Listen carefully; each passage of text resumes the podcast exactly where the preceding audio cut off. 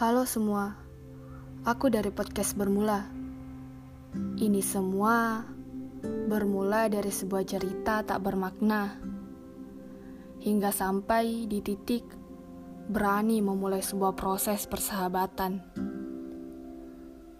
Dari awalnya berharap terus bersama, hingga berharap agar sebatas tetap ada saja pun pernah ada berusaha selalu menjadi teranggap, walaupun akhirnya akan hilang.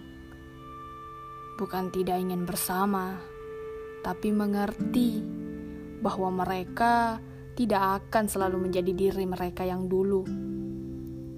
Tidak hanya mereka, aku pun tentunya. Kisah yang dulunya dijalani dengan baik berubah menjadi baik-baik saja pernah berada di zona yang sama hingga memilih zona yang berbeda pun ada di dalam kisah ini. Terlalu banyak pembodohan jika harus mengungkapkan semua cerita ambisius ini. Tapi, satu hal yang saya pelajari dari pendewasaan persahabatan, bahwa akan selalu adanya jarak dan waktu yang menjadi pemisah dan pembeda di antara kami.